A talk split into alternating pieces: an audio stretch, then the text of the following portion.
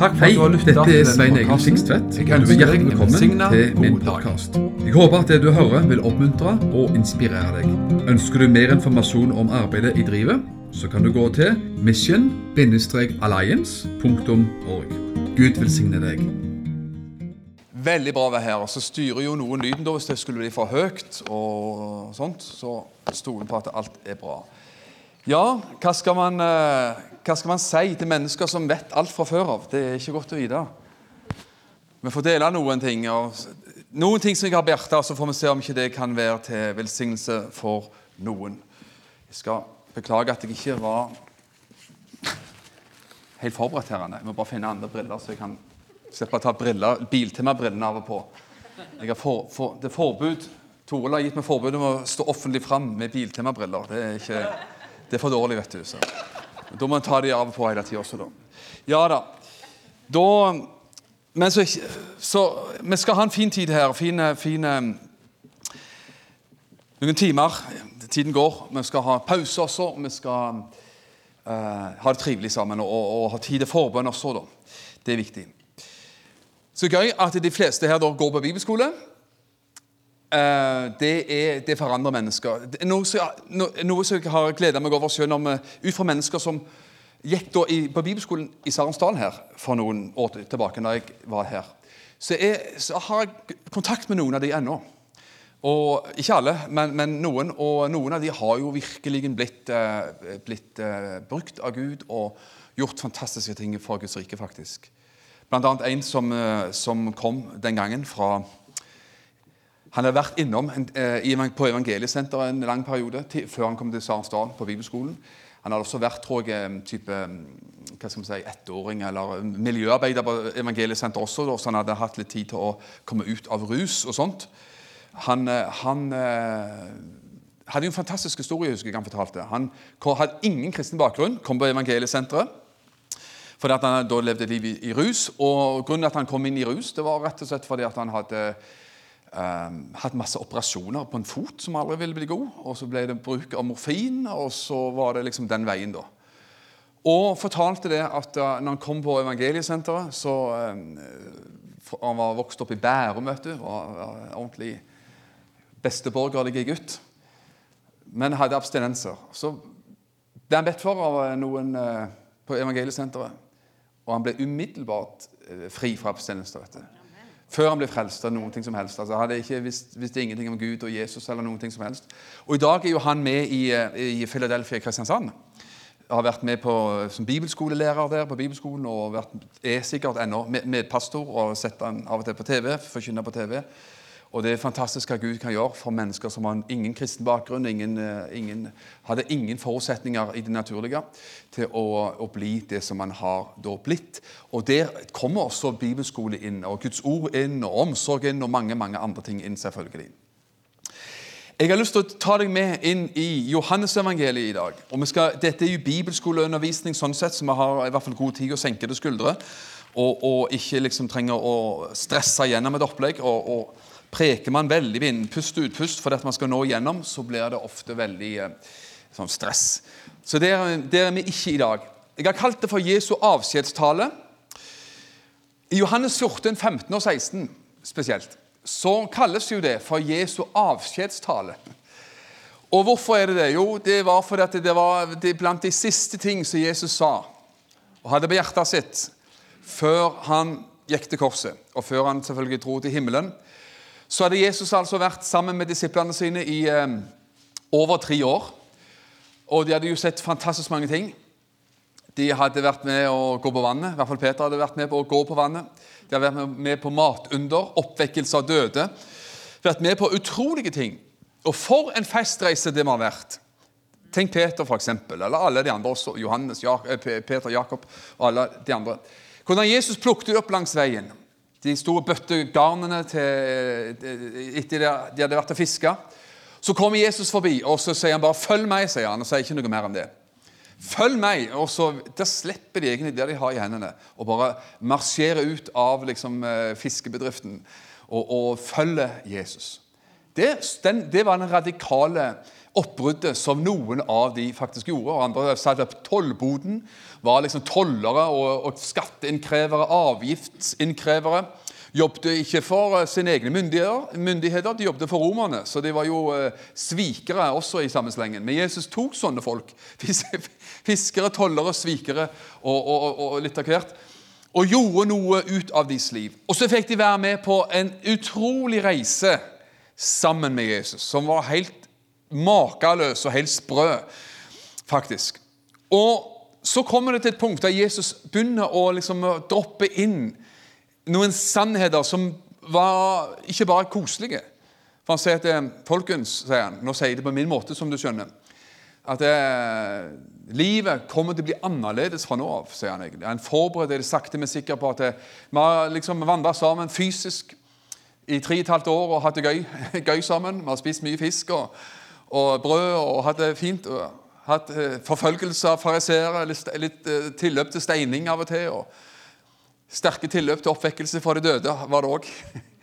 Masse fantastiske ting. Men så sier Jesus at det, det kommer til å bli annerledes fra nå av. Så sier han at det, det blir jeg, skal, jeg, drar snart, sier han. Jeg, jeg, drar jo til himmelen. Jeg drar der jeg kom fra. Men eh, fortvil ikke. Ikke bli mismodig av den grunn. Det var jo det de ble da. Spesielt når de hørte det. Fordi at hvis ikke jeg drar opp, så kommer ikke Den hellige ånd ned. Jeg skal dra opp, og så skal Faderen sende Når jeg har tatt turen opp og kommet opp, så, så kommer Den hellige ånd ned. Vi kommer liksom treffe hverandre liksom rett, i, rett i døra. Og, jeg, jeg, er på vei hjem, og han er på vei ned. Sagt med mine ord, som du skjønner. Det var fri, Svein Egils frioversettelse.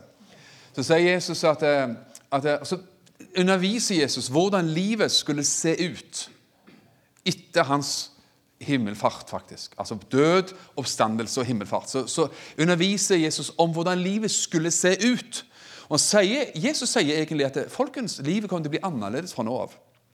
Saken er jo den likevel at det, eh, det var en radikal overgang for disiplene, som hadde først vært der og vært vanlige fiskere og vanlige, vanlige tollere. Så fikk de være med på tre år, tre og et halvt år med et eventyrreise med Jesus som var helt enorm. Og så sier Jesus, så begynner nesten Jesus å hive sånn kaldt vann over dem og sier folkens, det kommer til å bli annerledes fra nå av. Og Jesus snakker om så, sånne ting. og han sier, og Jeg har lyst til å ta deg med liksom, litt på en reise. Ikke helt sånn kronologisk, for jeg har delt det mer opp i emner. da. Men, men det handler om hva Jesus hadde å si, hva Jesus ville si til sine disipler. Blant de siste ting han hadde å si.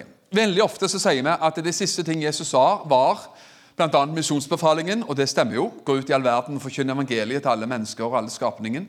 Alt det der. Det, jo, det var jo etter dette. Men hva var viktig for Jesus å si før han skulle dra? Hva ville vært det viktig for deg og meg å si hvis vi visste vi hadde ei uke igjen å leve, for å gjøre det så dramatisk som det en gang kommer til å bli? Hvis man ikke da dør så uventet at man bare forsvinner, nesten. Men hvis du visste Noen vet jo det hvis man da har blitt gammel eller syk og vet at livet er Man har kort tid igjen. Så vet man jo det. Jeg husker min egen far som døde altfor tidlig, 58 år gammel, eh, av kreft. Og, og, han visste jo hva vei det gikk. Alle visste det, at det var snakk om dager og timer til slutt. Hva, da, hva vil man da si når man da vet at eh, man skal avslutte sitt liv? Jo, man vil være nær sine nærmeste.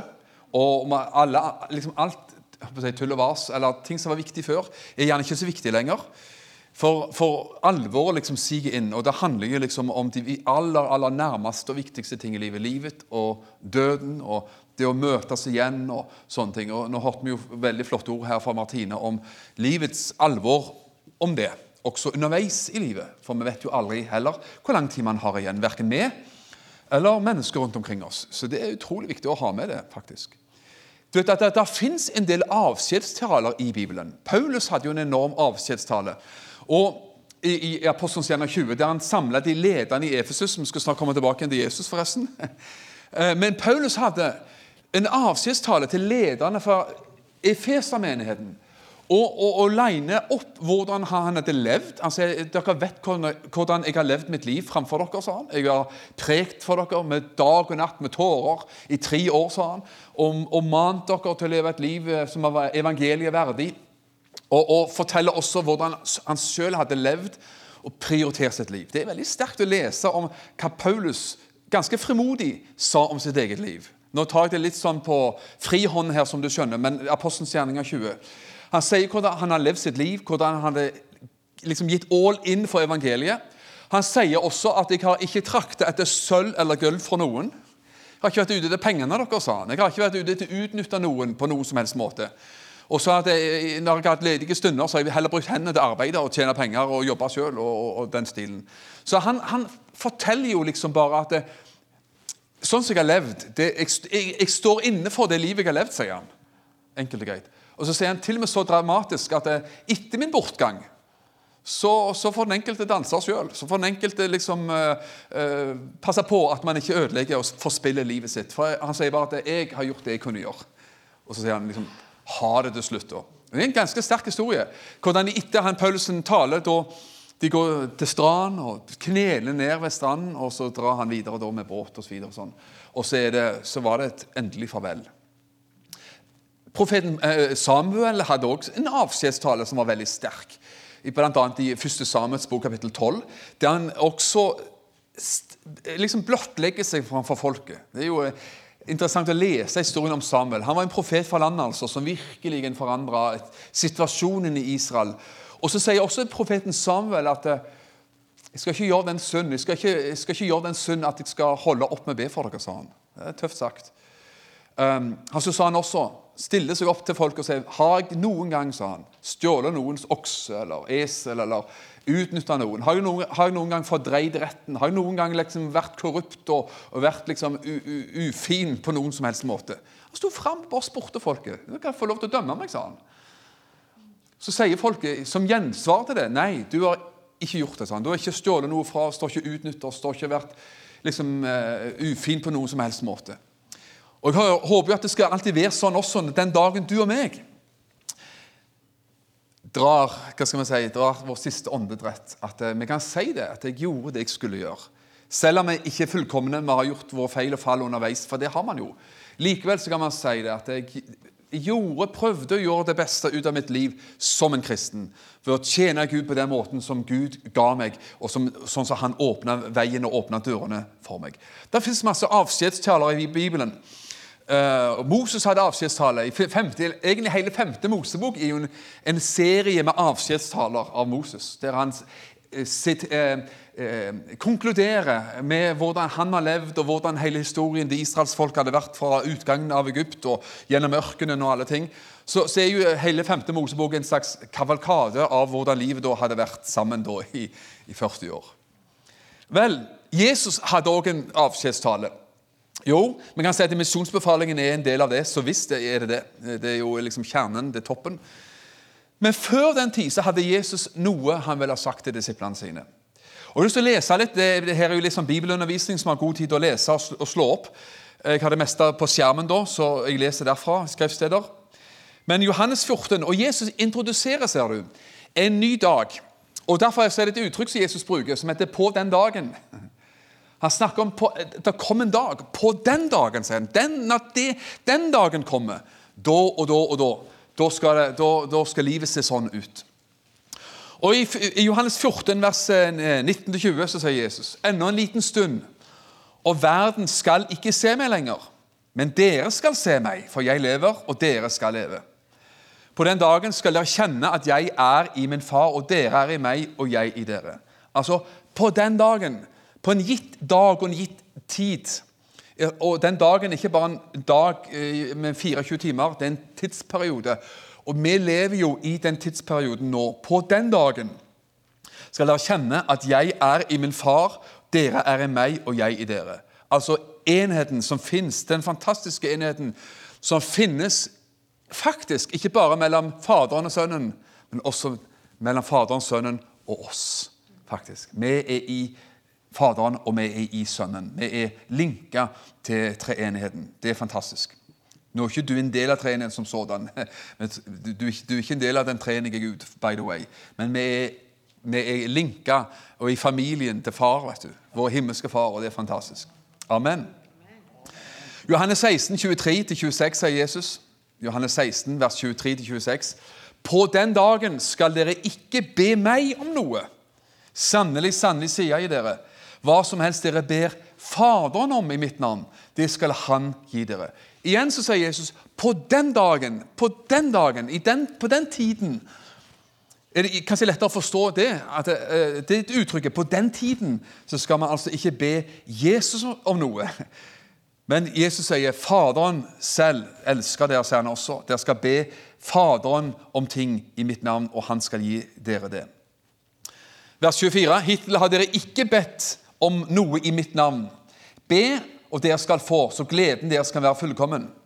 Dette har jeg talt til dere i lignelser. Men den tid kommer. Igjen kommer det altså en tid på den dagen, med andre ord. Den tid kommer da jeg ikke lenger skal tale til, til dere i lignelser, men jeg skal fortelle dere rett ut om Faderen. Og vers 26 på den dag. Igjen, på den dag skal dere be i mitt navn. Jeg sier ikke at jeg skal be Faderen for dere engang. Det er sprøtt. Og herlig, da. Sprøtt og herlig, det er omtrent det samme. Jesus snakker om en ny dag. Han sier til og med på den Fram til da så hadde jo disiplene Hva gjorde de? Det nærmeste Gud de kom om du vil, det var til Jesus. Og det var ikke, det var ikke dårlig. Men de kom til Jesus. Jesus, vi har ikke mat. Vi har ikke brød. Vi, vi trenger hjelp, Jesus. Hjelp, frels oss, hjelp oss. Og Jesus ditt og Jesus datt. De kom til Jesus. Så sier Jesus det kommer en dag der dere ikke skal komme til meg lenger på den måten. Du skal gå rett til Faderen. Rett til Faderen. For Faderen selv elsker dere, men dere skal bruke mitt navn, sa han. Skal komme i mitt navn. Altså Jesus introduserer hvordan livet ser ut, og hvordan livet skulle leves på den dagen. Og Hvis vi skjønner hva det betyr, og det, det tar jo også det tar jo en livstid Å skjønne hva det vil si for oss å leve i en ny pakt Hvordan den nye pakt er revolusjonerer alle ting, og hvordan vi kan leve og skjønne den nye pakts åpenbaring om hvem Gud er.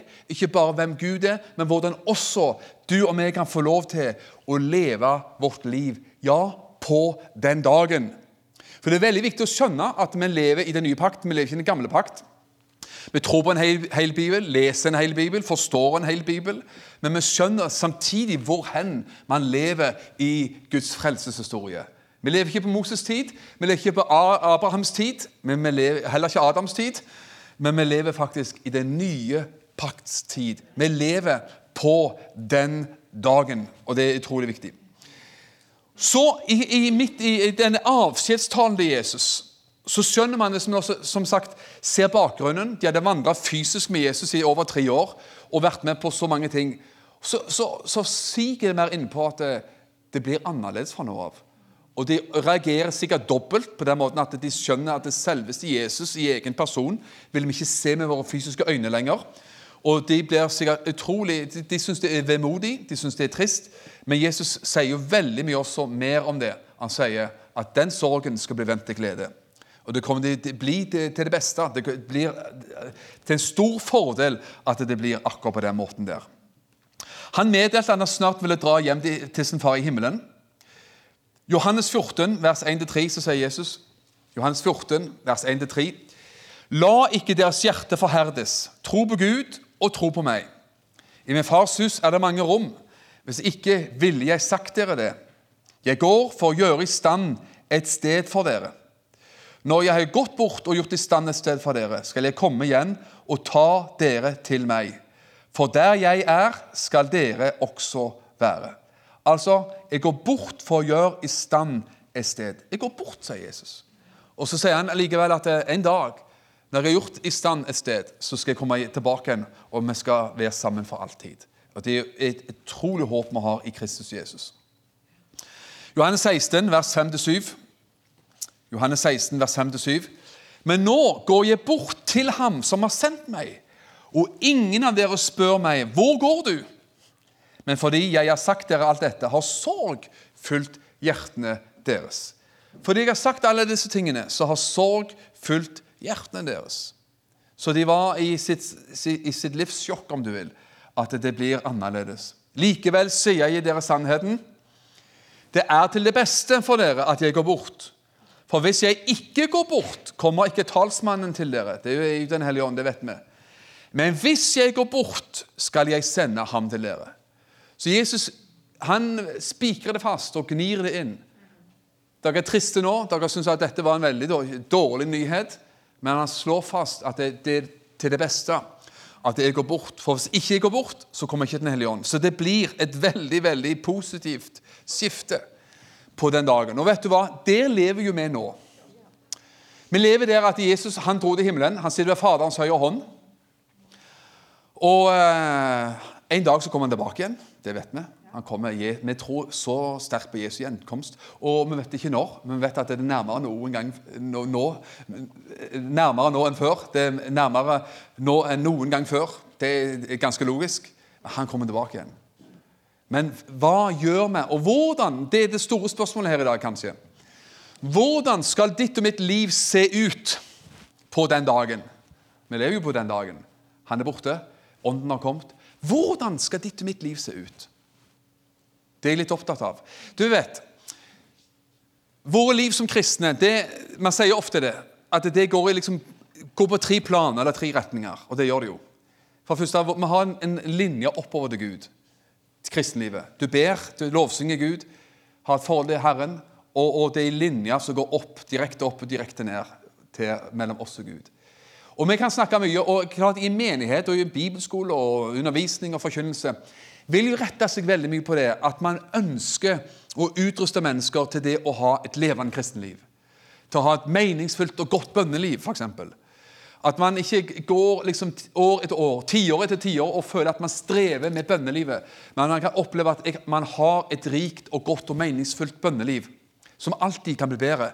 Men likevel så håper jeg at du kan si der du sitter her og nå i dag, at det når jeg sitter på stolen, den gode, blå stolen her i dag, så kan du si jeg har et godt bønneliv. Men det kan bli bedre. Så Hvis vi møtes her om et år, så kan du si ja, men det siste året så har bønnelivet bare blitt enda sterkere, bedre, rikere osv. Det er klart. Så vi har en linje som går oppad til Gud, og den, den, er fantastisk. Det er undersøkelser fra USA som viser det. En av disse store menighetene i USA som hadde undersøkelse blant medlemmene sine en gang. Hva ønsker dere at pastoren skal undervise om? Og, og liksom, hva vil du få, hva vil du ha tak i når du kommer på møte? Og det, Da er det jo selvfølgelig logisk, for det veldig mange sa, vi vil faktisk at eh, vi, vil, vi, vil, ha utrustning til å leve kristenlivet. Selvfølgelig. Det er logisk. Hva ellers skal man lære i menigheten? Man kan lære gitarspill og god lyd og, og lære å spise gode vafler. blomkålsuppe som vi skal ha i dag. Alt hører med, og det er en del av liksom, pakken. Men det du kommer for, men, men, men blomkålsuppe kan du få på, på, på en kafé. Vaf, gode vafler kan du få på en kafé. God lyd og god musikk det får du på YouTube hjemme, eller Internett eller TV eller eh, CD. eller hva, som helst. Skjønner du? Med alt det der må gjerne høre med i menighet. Men det som menigheten er virkelig til for, vet du, det at det, de som går i menighet, bibelskole også, det, man ønsker å få påfyll for sitt kristenliv. Eh, linja oppad til Gud. Amen. Og så er det linjer som man gjerne sier i kristenlivet som går ikke bare oppad, men utad til hverandre. Ikke sant? Altså Man, man, man eh, har fellesskapsgrupper og syns det er trivelig å prate, be sammen med andre. Prate om, om, Gud med andre, og man deler det åndelige livet med hverandre. Det står, Vi vet jo at Bibelen snakker mye om det. Hebreerne 10 er det vel, som sier at det, eh, la oss ikke holde oss borte når vår menighet samles, vet du, sånn, slik noen har for vane. Altså, la oss, la oss eh, også, Kristelivet er ikke bare meg og Herren, men det er meg og Herren og du og jeg og vi to. ikke sant? Det, det er mer enn det. Livet med hverandre, omsorgen for hverandre i en menighet osv. Men så er det også en annen linje som jeg kanskje Jeg vet ikke om at det er der man er ikke så flink. Det er bare min tanke på det. Det er hvordan livet Kristenlivet leves utad til verden. For enten du liker det eller ei, vet du, så, så, så du har et liv der ute. Lik det. Enjoy det. altså Kos deg der også, på rett vis. Livet oppad til Gud, livet innad i menigheten. Men hvordan ser ditt og mitt liv når det ikke er søndags formiddagsmøte eller søndags kveldsmøte eller bibelskoledag? Sant? Hvordan ser ditt liv ut og mitt liv ut i hverdagen, der du enten jobber som sykepleier på sykehjem, eller du jobber som politi, lærer, eh, taxisjåfør, snekker, rørlegger eller hva som helst. Hvordan leves kristenlivet da? Og jeg tror det er så mye man burde, burde, kunne og burde dvele ved rundt det. For er det noe som vi brenner for og lengter etter, etter å se, det er en type kristne som er utrusta til å leve et helt liv, et komplett liv. Siden vi er så godt selskap, så kan vi jo prate litt sånn fritt, vet du. um, det, er bare det, er ikke bare at vi har en høy halleluja-faktor som avgjør vårt liv. vet du. Det er bra høy halleluja-faktor. Jeg, jeg spotter ikke det. Du skjønner jo det. Amen. Gnistrende bønnemøter. Det er, en, det, det er kraftstasjonen, så det anbefales. Men igjen, hva kommer ut av Hva kommer ut på mandag, tirsdag, onsdag, torsdag og fredag av våre liv? Her i dag er vi la oss si med 40 stykk. Jeg har ikke telt så veldig nøye, men la oss si med 40 stykk. Da har denne forsamlingen her 40 nå er det ikke en, Man er jo fra forskjellige forsamlinger. Men hvis dette var en menighet, så hadde denne menigheten 40 misjonærer i hverdagen. 40 evangelister, 40 hurder til og med. Amen. Ja, 40 profeter. Altså, man, ser du, man, man, har jo Hvordan leves dette mitt liv i hverdagen? Sånn at man kan se det, at man, man, bærer med seg noe som gjør at man møter hverdagen. Ikke bare hverdagens øh, problemer og bekymringer og harde slag, men hva formidler du meg videre til andre mennesker i vår hverdag? Det, det, har jeg lyst til å prøve å dvele litt ved. Altså, Hvordan skulle livet se ut for Jesu disipler på den dagen som er i dag, som er nå, for enhver av oss? Som en eh, kollega av meg sa en gang, han hadde vitnesbyrd i menighet, så han sa det på skoj. Han sa jeg er jo betalt for å være kristen, sa han. jeg var lønna i menigheten, så jeg, jeg får jo betaling for å være kristen. Men hva med dere? Vel, samme hvordan du får din lønn og hvordan du får din mat på bordet, så er vi ikke direkte betalt for å være kristne. Vi er betalt i så fall ved Jesu blod. Betalt av Jesus for å tilhøre Han. Det er klart. Ikke sant?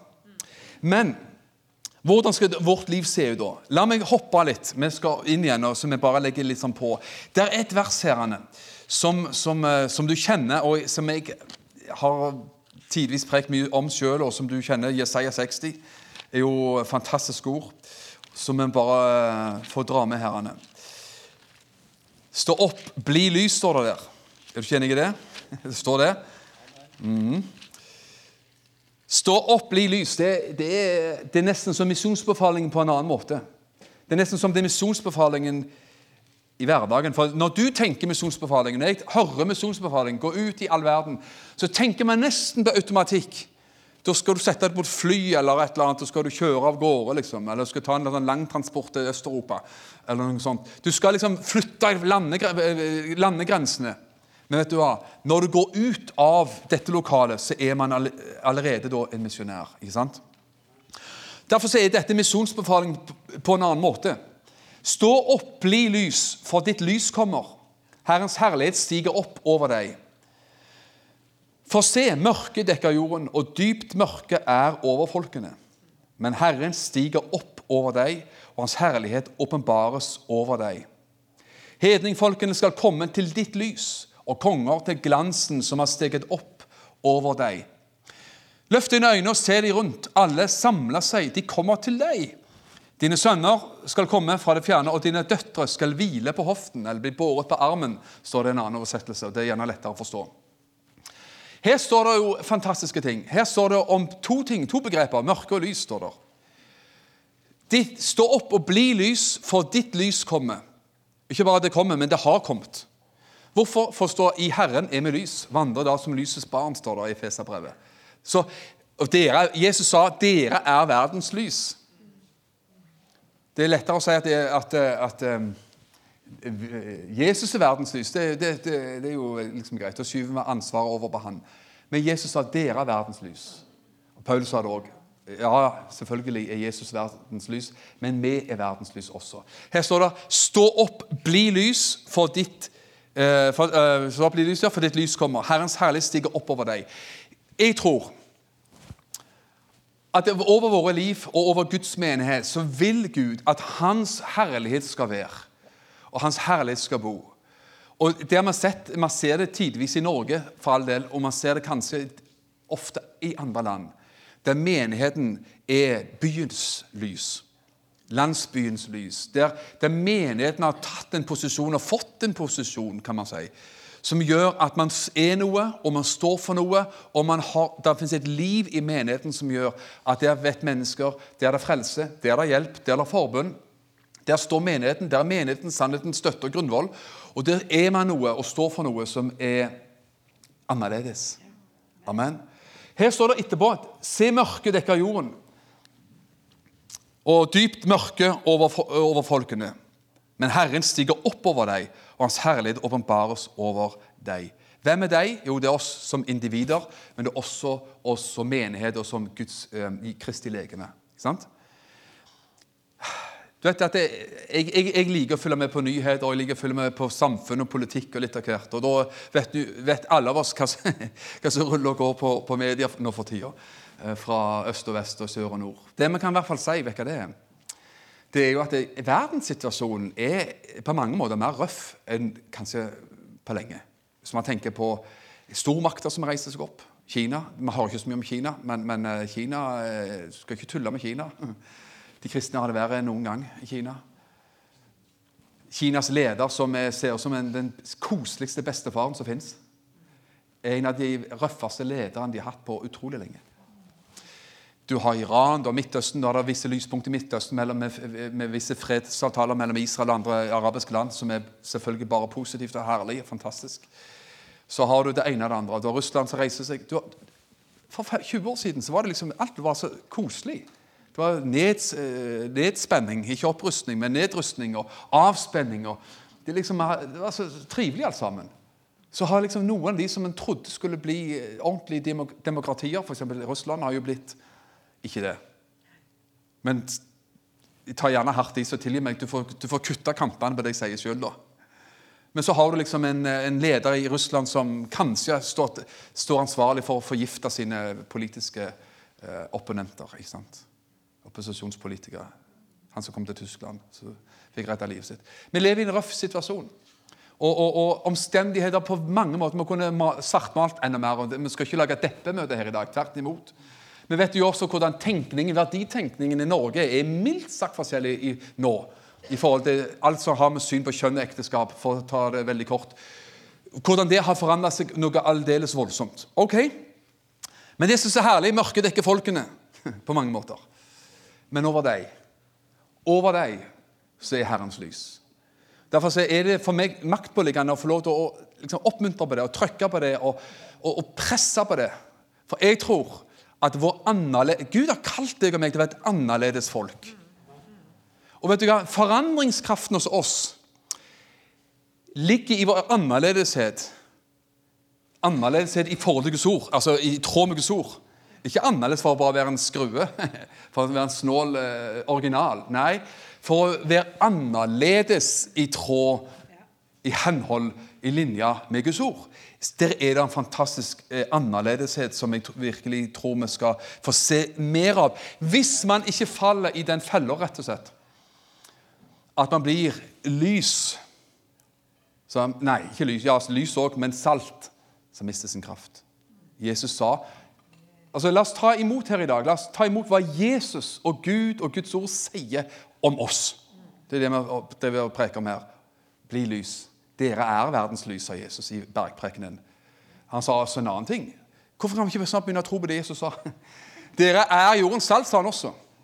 Jordens salt. Men han sa så som Jesus tok inn en liten sånn en, uh, ekstra paragraf. Han sa men hvis saltet mister sin kraft, hva skjer da? Så han tok den også. Jesus var liksom realist. Han, han, han kom av alle sider. Dere er jordens salt, men hvis saltet mister sin kraft, hva, hva skal det da dukes til? Hva skjer da? Det tråkkes ned av menneskene, sier Jesus. Tråkkes ned. Ingenting er verre, synes jeg. Ingen, det er trist syn når man ser kristne som mer og mer bare blir ledd av, av verden. Tråkkes ned. De tror ikke på det de sier engang lenger. Sånn. Kan vi tro på en hel bibel? Vi, når vi forstår og leser skjønner Bibelen, det er selvfølgelig korrekt. Kan vi tro at dette er Guds ord? Jeg skal svare sjøl, siden ikke du svarte. Amen kan det. Vi går videre til Jesus, holdt på å si. Vi går videre inn i Jesu avskjedstale, for jeg syns det er fantastisk. Og så skal vi ja, kjøre på. Jesus sa her skal du få et annet punkt. Eh, jeg prøver å henge på noen punkter her. da. Jesus lovte at det skulle komme en annen person, og det er selvfølgelig Den hellige ånd. Amen. Og Jesus sa mye om det. Johannes 14, 16-18. Jeg vil be Faderen, og han skal gi dere en annen talsmann. En annen talsmann. Og han skal bli hos dere til evig tid. Det er fantastisk. Jesus sa jo 'jeg reiser', men det kommer en annen. Jeg drar, men det, det, det, skal ikke bli noe tomrom. Den andre karen kommer, den andre personen kommer, Den hellige ånd. Sannhetens ånd, som verden ikke kan få, siden den verken ser ham eller kjenner ham. Men dere kjenner ham, for han skal bli hos dere og skal være i dere. Jeg skal ikke la dere bli igjen som foreldreløse. Jeg skal komme til dere. Dere skal ikke bli alene, sa Jesus. Slapp av. Ro dere ned, sa han. Dere skal ikke bli igjen som foreldreløse. Jeg skal komme til dere. Og på den dagen, der har du det igjen, den, denne dagen, skal dere kjenne at jeg er i min far, og dere i meg, og jeg i dere. Jesus sier igjen og igjen, og Vi skal ikke ta flere skriftsteder på det, men Jesus igjen og igjen i Johannes 14, 15 og 16 så lover Jesus Den hellige ånd, og Den hellige ånd skal overta jobben til Jesus, som du vil. Overta forbindelsen mellom oss og himmelen. Være forbindelsespersonen mellom oss og himmelen. Og fylle alle de funksjoner som Jesus hadde fylt, som var nødvendige. Nå var det bare Jesus som døde på korset, da. Så, så Det var hans jobb og hans rolle, kan du si. Pluss at han går i forbund for oss i dag. Og hans blod er i himmelen, sier Bibelen, og taler vår rettferdighet osv. Men Den hellige ånd, han, hva gjør han? Han serverer oss, han meddeler oss, han inngir til oss. Han er servitøren som gir oss det som Jesus har kjøpt på korset. Det som døde for og blødde for og lei for, det tar Den hellige ånd og meddeler oss, serverer oss og, og la oss få del i i dag. Det er fantastisk. Hva skulle Den hellige ånd gjøre? La meg gi deg en liten oppsummering uten at vi tar ethvert skriftsted, for det, det har vi ikke tid til. Jesus sa at Ånden skulle virkeliggjøre og bekrefte vårt barnekår hos Gud. Det er viktig å skjønne det, faktisk. Han skulle virkeliggjøre, han skulle levendegjøre og virkeliggjøre vårt barnekår hos Gud. Det fins i eh, Johannes 14, 15 og 16, fins i Roman 8, fins eh, mange, mange, andre plasser også. Nemlig Den hellige ånd, hva gjør han? Jo, ånden, sier Bibelen i Roman 8, vitner vår ånd og sier at vi er Guds barn. Og Det er nydelig når mennesker får denne inn, og, og, og det er så viktig å også undervise og terpe på det. For hvis vi skjønner viktigheten av å forstå Guds kjærlighet, rett og slett. Forstå vårt barnekors Gud. At vi ikke er foreldreløse, vi er ikke eh, etterlatt alene. Men vi, vi er tatt imot av Gud som hans sønner og døtre, som hans barn. Og vi har fått barnekår. Et stort emne, et viktig emne, som vi skal ta litt mer på, men ikke så all verdens mye heller. Men når den, når den liksom polletten ramler ned, når den liksom bare klikker inn enda mer i våre liv, så kan vel det skje når du oppdager, og jeg oppdager mer, at Gud er min far. Jeg kan ikke streve for å bli godtatt. Jeg er godtatt gjennom forsoningen, gjennom blodet. Det er ikke mine gjerninger, det er særdeles ikke min eh, eh, svette eller melkesyre for at jeg har strevd så hardt, som imponerer Gud, men det er Jesu Kristi blod. Og det der ligger som en bunnplanke i våre liv, som et sementgulv med masse armeringsjern i, så holder det gjennom stormene. Og det er viktig. Og det, det er noe av det som Helligånd gjør. Han, Jesus sa jeg skal ikke etterlate dere som foreldreløse. Du, trenger, du er ikke foreldreløs. Amen. Mine, begge mine foreldre har gått hjem til Gud, men jeg er ikke foreldreløs. Priser Gud. Jeg har en fader i det høye, som fader, fader omhu for meg bær. Priser Gud. Hva skulle Den hellige ånd gjøre? Han skulle minne oss om det Jesus har sagt. Igjen og igjen så sier Jesus at han, eh, han, skal minne oss om det Jesus har sagt, og han skal ta av det som er mitt, sa Jesus, og forkynne for dere. Av den grunn så har vi også egen en garanti på at vi har Guds ord her i dag. For Jesus sa 'mine ord skal ikke forgå'. Den hellige ånd skal minne dere på det jeg, det jeg har sagt. Og da er mitt spørsmål, hvis, hvis ikke de ordene fins i Bibelen, kan noen fortelle meg hvor de fins? De fins i Bibelen. Altså Jesus stilte personlig garanti på at hans eget ord skulle bli bevart. Og det fins jo her. Og hvis du ikke tror at dette er så, ja, da må noen være så snill å fortelle meg hvor det fins. Men det fins jo her. Prise Gud. Han skulle vitne om Jesus, han skulle herliggjøre Jesus. Han skulle veilede oss til hele sannheten. Så Jesus sa Den hel- hellige ånd kommer til å veilede dere til hele sannheten.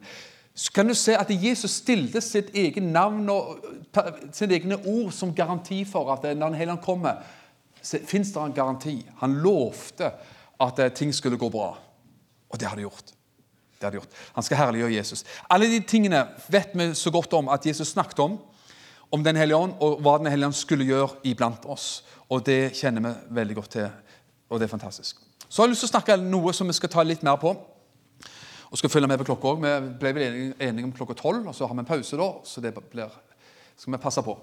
Så er det sånn at um, Jesus snakket massevis om kjærlighet i Johannes 14, 15 og 16. Og Hvis Jesus snakket mye om kjærlighet, så må jo vi også gjøre det. Og det er jo et ord, vet du. Det, kjærlighet er et universelt ord, så det, det liksom går igjen. Det går igjen og går gjennom oss alle. Det, går, det, det er gjenklang hos alle mennesker på ordet kjærlighet. Men du kunne jo spurt, vet du. Fem på gata i Neset. Dette er Neset, ja. Jeg husker det. Hva forbinder du med ordet kjærlighet? Så hadde du hørt mye forskjellig, vet du. Jeg husker Det var en kollega av meg en gang som ringte der, det er mange år siden da man brukte opplysningen. vet du. Så skulle han eh, han skulle ringe, ringe opplysning for, for å få nummer til en menighet som heter Kjærlighetens oase. Det var et fint navn også. Men da ble det stilt i andre enden, så sa plutselig han, han i opplysningen sånn Jøss, sa han. Jeg trodde det ikke fantes sånne plasser i Norge, sa han. Så han ble, han ble ta, slått helt ut. Men det er jo fint navn. Kjærlighetens oase. Og det kan jo være så mangt. Men vet du hva? Jesus snakket utrolig mye om kjærlighet. Det gjorde han. Og det er viktig å ta til seg. Og, og eh, som sagt, Kjærlighet er jo et, et sånn universelt ord som kan bety alt mellom himmel og jord. Til det verste til det beste. Men her snakker vi om tre ting, i hvert fall. Det er at du og meg er elsket av Gud. Og man møter mennesker det som ikke helt liksom, kan tro det. Kristne som ikke helt kan tro det. Men den, det vitnesbyrdet fins i våre hjerter, hvis du jeg kjenner godt nok etter. Når du er frelst, så er det noe her inne som sier at du, du er godtatt. Golgata-verket holder. Det duger. Amen. Eh, Du, du har fått barnekår. Du er elsket av Gud. Og Paulus snakket mye om det. Jesus snakket mye om det. Johannes snakket vilt mye om det. Og derfor så må vi, må også vi snakke om det. Vi elsker Gud. Eh, og så, nummer to Vi elsker Gud tilbake. Det har man kanskje hørt mye om. I verste fall som et veldig sånn krav. Du må elske Gud. Men det, du, du vet jo det at du kan aldri, du kan aldri kreve noe fra noen at du må elske meg. Det, ingen kjærlighet fungerer sånn. Kjærlighet ikke, kan aldri fungere på krav og tvang og, og liksom den greia der. Kjærlighet er jo en respons en forløsende kraft inni oss fordi ikke at man må, men fordi at man vil og har lyst. Og det er som, et, som noe som kommer av seg sjøl, om du vil. Vi elsker av Gud. Vi elsker Gud tilbake. Og så elsker vi hverandre. Alle, alle de tingene. Jeg tror faktisk at det er i omtrent re- rett rekkefølge. Skal vi prøve å finne, prøve å finne et vers her på, på det, da? Første Johannes, nå skal vi ta 1. Johannes, da, sånn en liten eh, side, sidespor. til 1. Johannes brev, kapittel 4. Jeg kan ta det og slå det opp. Jeg tror ikke jeg har alt sammen der, uansett på iPaden min. men det, du vet, Johannes han delte og terpa og, om du vil, maste så veldig mye om kjærlighet.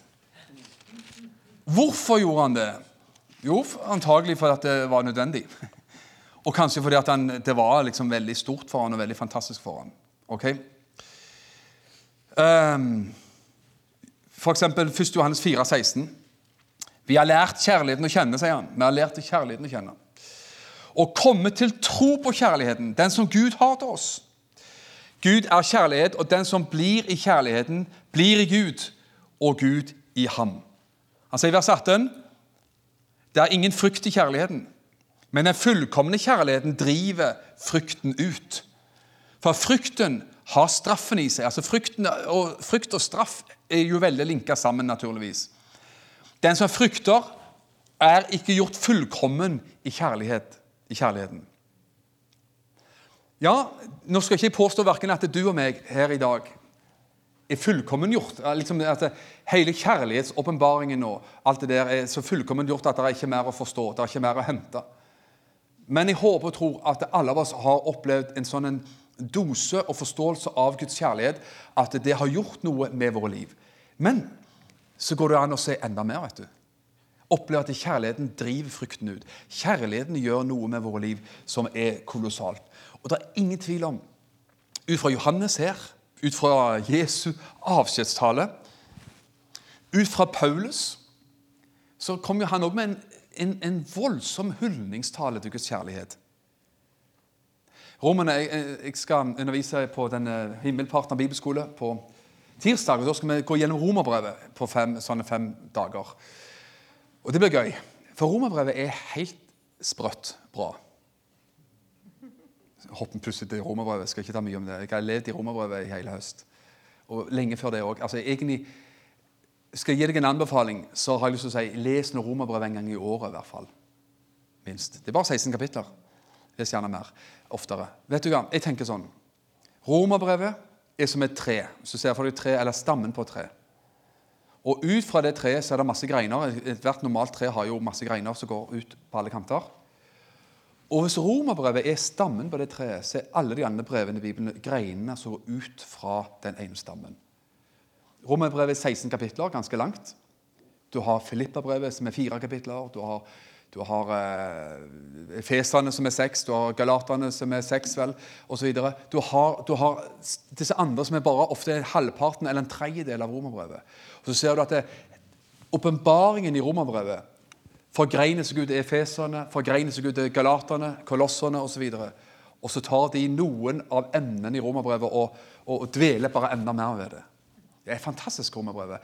Hvorfor er det det? For det er skrevet ikke heller ut av av en, um, av en gitt situasjon, av en krisesituasjon, eller at Paulus måtte sende et brev for å streite opp menigheten.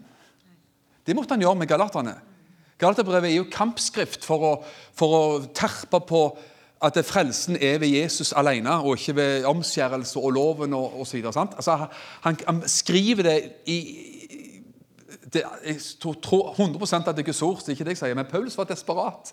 Paulus var litt sånn fyrig. Paulus var litt bøs i stilen når han skrev Galaterbrevet. Sant? Hvorfor? Jo, for han ville redde menigheten fra vranglære. Og, og, og, liksom side, side, si, sidespor. Men Paulus har ikke den tonen i, i, i um, romerbrevet. Han har liksom en avslappa, saklig tone, om du vil, der han bare har lyst til å gjøre én ting til, til, en, til en menighet han aldri hadde besøkt. Så han hadde ingen liksom, personlig eh, forbindelse eller connection eller eh, skuffelser med menigheten, om du vil. Han var helt løst fra det uansett. Så, så, så han skriver til Rom og sier at jeg ønsker å komme til Rom snart. Og så legger Paulus ut. Det er ikke noe brev i Bibelen som er så utleggende på vår frelseshistorie som romerbrevet. Da han begynner skal, Frista til å ta romerbrevet. Skal ikke gjøre det. Han snakker om alle menneskers synd og skyld innenfor Gud. At alle mennesker synder står uten ære for Gud. Sant? Både jøder og hedninger. Det tar liksom både, Avkler både jøder og hedninger sin egen rettferdighet. Så går han videre og snakker om at det er forsoningen og troen på forsoningen som er redningen for alle. Og så går han videre til kapittel 5 og 6 og 7, 8. Så snakker han om det nye livet i Kristus. Hvordan dette livet leves etter du har blitt forsont, etter du har skjønt alt det andre. Og så tar han det videre derfra. Så snakker han om Israel og jødene osv. Og, og så tar han det bit for bit. og så tar De siste kapitlene blir veldig sånn praktiske, eh, praktiske ting. Midt i det Det var det jeg skulle si. Slutten av Romerbrevet 8, etter han har snakket om livet i Kristus, livet i ånden, lev i ånden, og ved ånden, det nye livet, så kan vi også totalt dominere over kjødets gjerninger. Det er det han sier. sant? Og Striden mellom ånden og kjødet, men at det åndelige livet er sterkere. Hvis du vil. Hvis du vil. Det vil vi jo. Og så avslutter Paulus, ser du, på slutten av Romerbrevet 8, en hyldningstale til Guds kjærlighet. Der han bl.a. sier at eh, Gud er den som frikjenner. Hvem er, den som, hvem er den som fordømmer? Hvem er den som eh, anklager? Og så sier han at jeg er viss på at ingenting, ikke død, liv, forfølgelse, nakenhet, sverd, fare, sult, alt annet i den båten der, kan skille oss fra Guds kjærlighet, som er i Kristus Jesus. Paulus, det er utrolig at Paulus snakket om, om, egentlig om sine egne omstendigheter. Han gjorde det. Alt det han opplevde. Så han, han tok hele liksom, lista på sine egne omstendigheter til tider. Og så er det Jeg har opplevd, sier han, tydeligvis, at ingen av de tingene der har vært i stand til å skille meg fra Guds kjærlighet. Slå den. Han sier også et herlig ord midt i det, så sier han at gjennom alt dette, i alt dette, skal vi mer enn seire, altså i alle disse omstendighetene, skal vi mer enn seire ønsker vi, vi ønsker jo seier ved Ham som har elsket oss. Skjønner, seieren, seieren ligger i det at man skjønner at Han elsker oss. Våpenet, om du vil, eller ressursene og oppdriften i livet, er forståelsen og øh, åpenbaringen om at Han elsker oss. Vi vinner seier ved Ham som har elsket oss, og som fremdeles selvfølgelig elsker oss. Så vi trenger å forstå at vi er elska av Gud. Leste vi det, eller leste vi det ikke? 1. Johannes 4, 19, i hvert fall. Vi elsker ham fordi han elsket oss først. Hm. Halleluja. Vi skjønner, Før vi kan elske han, og før vi kan elske hverandre skikkelig, så må vi skjønne at vi er elska av Gud. Så kan man bli frista til å tenke Jeg har gjerne vært mye frista til å tenke at å preke om sånt det er det er, så, det er så, sentralt, det er det jo. Det er, men det er så elementært at skal, skal vi drive og bruke tid på det? Men erfaringen viser at man bør bruke tid på det. Fordi at den åpenbaringen den, den, eh, sitter kanskje ikke så dypt og sterkt som man skulle tro alltid. Vi elsker ham. Gjør vi det? Ja. For, men det er fordi han elsker oss først. Vi elsker av Gud. La oss ta det punktet først, og det har vi jo allerede begynt på. Hør hva Jesus sa Johannes, når Tom Johannes 17. da, Det er jo en forlengelse av eh, Jesu avskjedstale. Det var når Jesus nesten sagt eh, konkluderte alt eh, i sin bønn til Faderen. Etter han hadde prekt disiplene i Johannes 14, 15 og 16, så vender han seg til Gud i bønn og ber for sine. Det er fantastisk vet du, hvis du ser det i den sammenhengen. Og Da sier han jo, Johannes 17, 23, Jeg i dem, han er i oss, og du i meg. Så er vi linka, vet du. Vi er linka til både Sønnen og Faderen gjennom Den hellige ånd. For at de, det er oss, kan bli gjort fullkommen til ett. For at verden skal forstå at du har utsendt meg. Og at du, Faderen, for Jesus ber det Faderen, du har elsket dem slik som du har elsket meg. Kan du skjønne hva Jesus sier der? Altså Faderen At de, skal skjønne, faktisk. Han ber at vi skal forstå. At det, vi er elska av Faderen på samme måte som Jesus var elska av Faderen. Du har elsket dem sånn på samme måte som du har elska meg, sier Jesus. Bare, bare, den ene lille setningen der burde være nok. vet du. Ingen av oss vil protestere på hvis jeg spør tror du at det, sønnen Jesus var elska av Faderen Altså, hallo. Det skjønner man. Det er Såpass har man forstått. Men kan du tro at du vil elske akkurat like mye? Kan du tro at det er på samme nivå, på samme vis som Faderen elsker sønnen Jesus, er du og meg òg elska av Faderen? For det var det Jesus sa. Johannes 15, 15,9 sier omtrent det samme. Slik som Faderen har elsket meg, Faderen elska Jesus. På samme måten har også jeg elsket dere. Bli i min kjærlighet. Med andre ord, Derfor trenger vi å preke om det, for vi trenger å bli der. Trenger å slå leir der, vi trenger, trenger å kjempe der. Prise Gud. Jesus sa på samme måte som du, Faderen, elsker meg, har jeg elska de tydeligvis samme kjærlighet som han bare sendte videre. Han mottok kjærligheten fra Faderen og sendte den kjærligheten til oss. Amen. Og det er jo sant, det er sant akkurat på den måten det står, at eh, Jesus sendte kjærligheten videre, som han har fått fra Faderen til oss. Men da er spørsmålet likevel, kan vi, kan vi tolke det dit hen også? At på samme måten som jeg opplever meg elsket av Faderen og Sønnen, og, og opplever meg elsket av Gud, bare i den grad kan jeg også være i stand til å elske andre på samme vis. Hvis ikke jeg opplever meg elsket av Gud, hvor mye kjærlighet har jeg da å gi andre? Men hvis jeg opplever meg elsket av Gud, og vet dette og opplever dette, vil ikke jeg og du være i stand til for så utrolig mye mer være i stand til å elske andre mennesker. Amen. Og på dette skal verden kjenne og vite at dere er mine disipler. At dere elsker hverandre, har kjærlighet til hverandre. Ikke bare innad til hverandre, men også langt utover våre egne menighetsgrenser og eh, kirkegrenser, kirke, veggene på kirkelokalet. Amen. Du må få 1. Johannes 4, 10 òg. Jeg tror ikke vi tok, tok med den. Ikke gammel gjorde. I dette er kjærligheten ikke at vi har elsket Gud. Tenk det. Det er, ikke, det er ikke kjernen i kjærligheten engang. Men at Han har elsket oss og sendt sin sønn til soning for våre synder. Johannes var helt sprø på Guds kjærlighet. Han må jo ha vært det når han snakker sånn. Og da, La meg ta mot, mot, eh, mot uh, pausen her. Se for deg Johannes. Jakob Johannes. Du husker hva de ble kalt? Det var Jesus som kalte de det. vet du. Han plukket de opp. Han kalte de for tordensønner.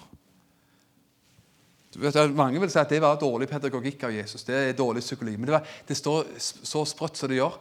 Det var Jesus som kalte dem for tordensønner. faktisk. Han må ha kjent dem. Han må ha kjent slekta. Og så, Men han plukket dem. Det, det det er så fantastisk med Jesus. Han, han tar mennesker der de er. Han, han, han, er ikke redd for å si sannheten om dem der de er. Men jeg tror Jesus sa Han kalte dem tordensønner. Hva han sa videre, vet vi ikke, men vi, vi kjenner jo Jesus allikevel. da. Han tok dem med videre på en vandring fra å være tordensønn til å bli kjærlighetens apostel, som Johannes ble. Når Johannes var en ung mann, så var han eh, full av temperament og full av torden. Men han endte opp han begynte som tordensønn, men endte opp som kjærlighetens apostel. Det er ikke dårlig. Det er bra forandring. Vet du hva? Det er nydelig å møte sånne mennesker i dag. Fins de? Ja, de fins. Ja, de fins sikkert her. Men det som er interessant med Jakob og Johannes, da, det var at de, de begynte som tordensønner. Begynte karrieren, som, etterfølgelsen som tordensønner. Og midt en eller annen gang i vandring med Jesus så hadde de til og med skikkelig et sprøtt og vilt forslag. For de sa til Jesus skal vi byde ild fra himmelen og komme over denne her samaritanske landsbyen. For De tenkte at de hadde ikke tatt imot Jesus, de, eh, de ville inn i land, men de sendte det videre. Du vet, Jøder og samaritanere de, de, var bare ikke gode venner. altså. Det var gjensidig begge veier. Og Jesus var jo, han var på vei til Jerusalem, sier Bibelen, og han var jøde i tillegg. Så det, det, det var, ikke, var, ikke, mye åpent i eh, landsbyen. Og Da blir Jakob og Johannes så rasende på det at de sier, foreslår det for Jesus. Og sier skal vi byde ild fra himmelen og komme over. Og så sier, der er jo, Vi har jo forskjellige oversettelser. Jeg tror det er denne som sier i tillegg, da, slik som Elias gjorde. For Elias han bøy jo ild og svovel komme ned over Balsprofetene. Så de trodde vel at de hadde et veldig godt bibelsk grunnlag for det de foreslo. Men Jesus vet hva han gjorde? Han refsa dem og sa at dere vet ikke hva slags ånd dere er av. Tenk på det. Så det og så sa han jo etterpå, og, og regulerte teologien kraftig, for han sa menneskesønnen har ikke kommet for å ødelegge folk. Han kommet for å ødelegge menneskeliv. Han kommet for å gi liv. Redde menneskeliv. Frelse menneskeliv. Hvis vi kan skjønne det, vet du, at Jesus kom ikke for å ødelegge menneskeliv, men for å gi eh, liv til mennesker, for å redde folk. Og Hvis vi kunne skjønne det samme Vi er ikke kalt til å ødelegge, vi er kalt til å løfte hjelpe, lede på rett vei. Jo visst er det noe som er rett og galt i forhold til Guds ord, og så videre, sånn. men eh, skjønner, ah, Jesus tar mennesker der de er. vet du. Han, han tar mennesker der de er, og gjør noe vidunderlig fantastisk ut av mennesker. Prise Gud. Jeg har hatt en sånn glede av å møte Han går også på bibelskolen i, i Himmelpartners bibelskole. Jeg skal ikke si navn, men jeg har hatt gleden av å kjenne han i noen år. Han kom når jeg var pastor i menigheten i Froland. Han og samboer, hans samboer den gangen. Siden jeg hadde gleden av å vie de også, så det var kjekt. Men, men de kom fra et røft miljø. Narkomiljø. og Han her karen hadde vært i fengsel eh, litt her og der og var kjent for å være ukoselige ukoselig kar på alle vis. Men i dag har vært med i flere år i menighetsliv og med på bibelskolen i, i Grimstad. Og en forandra person. Av hva for noe? Av Guds kjærlighet. Guds kjærlighet som kan gjøre det. Og Han har vært så opptatt av, spesielt i første tida etter han var frelst, nyfrelst, å oppsøke gamle venner som han hadde gitt juling. Og, og uh, gjort det ene og det andre med, gjort det, gjort det ene og det andre sammen med. Og si at jeg har blitt kristen, jeg har blitt frelst. Så jeg ber om tilgivelse for, uh, for det og det og det. og det. Man har lyst til Og det er ikke fordi at man skal forbli bli, det, det gjorde han ikke for å bli tilgitt. Han visste han var tilgitt. Han gjorde det for å vise kjærlighet, for å sende videre kjærligheten som han sjøl var blitt møtt med. På samme måte som Gud har elsket oss, er vi i stand til å elske andre mennesker. Så Jakob og Johannes de begynner som tordensønner. De fortsatte karrieren litt til med å bytte ild og svovel, komme ned fra himmelen. Men der var det sikkert et vendepunkt når de fikk den der refselsen fra Jesus. For siden så ble det jo mye mer kjærlighet ute og går. Vi, har, vi elsker, sier han bare, for, vi, for, han elsker oss først. Gjett om han visste det. Gjett om han, Johannes, hadde åpenbaring på det. Jeg vet så vel, jeg vet så vel at eh, hele mitt liv handler om at han har elsket meg først. Amen. Vi ber en bønn, og så skal vi gå til pause. Fortsett med etterpå. Far i himmelen, jeg bare ber at disse tingene her skal synke dypt i våre liv. Herre, så vi kan være sånne mennesker som er for, sånne som forandrer verden. Med ja, evangeliet, ordet og budskapet som sådan. Men Herre, bakom budskapet så er det en kraftkilde av kjærlighet som ligger der, Herre, og som gjør at menneskeliv kan bli forandra gjennom våre liv. I Jesu navn. Jeg ber for enhver menighet som er representert her. Sikkert noen fra Kirkendalen, sikkert noen fra rundt omkring i området. Jeg bare ber, Herre, la enhver menighet som er representert her i dag, være og bli en sånn en kjærlighetens oase i ordets aller beste og rette forstand, Herre. Virkelig være en himmelens oase som gjør at mennesker vet hvor man, kan, hvor man kommer, og, og, hvor man kan komme for å få nåde og hjelp og en ny start i livet. Jeg takker deg for det i Herren Jesu navn. Takk for all din godhet, Herre. Amen. Amen.